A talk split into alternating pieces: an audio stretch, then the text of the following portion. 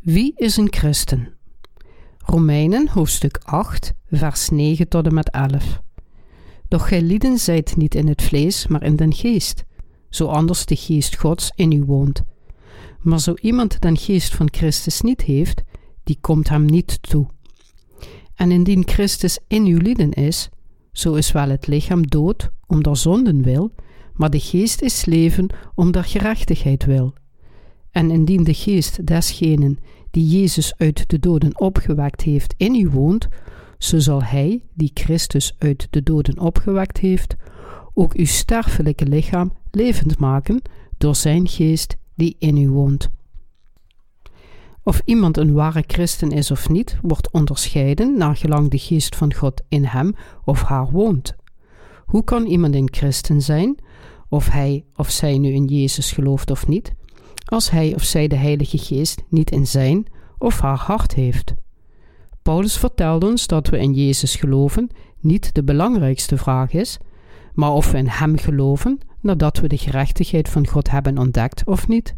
Het ware geloof dat van de heiligen wordt verlangd, is het geloof dat klaar is voor de geest om in hen te wonen. De aanwezigheid van de Heilige Geest in u zal bepalen of u een christen bent of niet. Daarom zei Paulus: Maar zo iemand den geest van Christus niet heeft, die komt hem niet toe. Hij zei iemand. Het maakt niet uit of de persoon een priester, evangelist of een revivalist is. Als iemand de Heilige Geest niet in zijn of haar hart heeft, is de persoon niet van hem.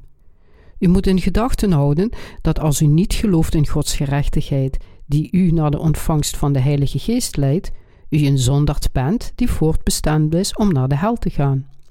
We moeten dus interesse tonen in het evangelie van het water en de geest, dat de gerechtigheid van God bevat. Als de Heilige Geest in ons woont, betekent dit dat we voor de zonden zijn gestorven door ons geloof in het doopsel van Christus. Maar onze geest leeft vanwege de nieuwe verworven gerechtigheid. Bovendien zullen onze sterfelijke lichamen op de dag dat onze Heer terugkomt ook leven ontvangen. Daarom moeten we nadenken over degene die ons de Heilige Geest heeft gegeven. Als u niet in Gods gerechtigheid gelooft, behoort u niet tot Christus. Aan de andere kant, als u dit geloof in Gods gerechtigheid heeft, is de geest van God in u aanwezig. Zonder dit geloof zou de Heilige Geest niet over u heersen.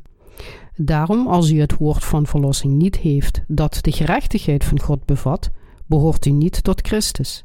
Zelfs niet als u in elke zondagse mis de geloofsbeleidenis van de apostels zou beleiden en opzeggen. Als u niet tot Christus behoort, zal uw geest vervloekt zijn, ongeacht hoe goed u had willen doen.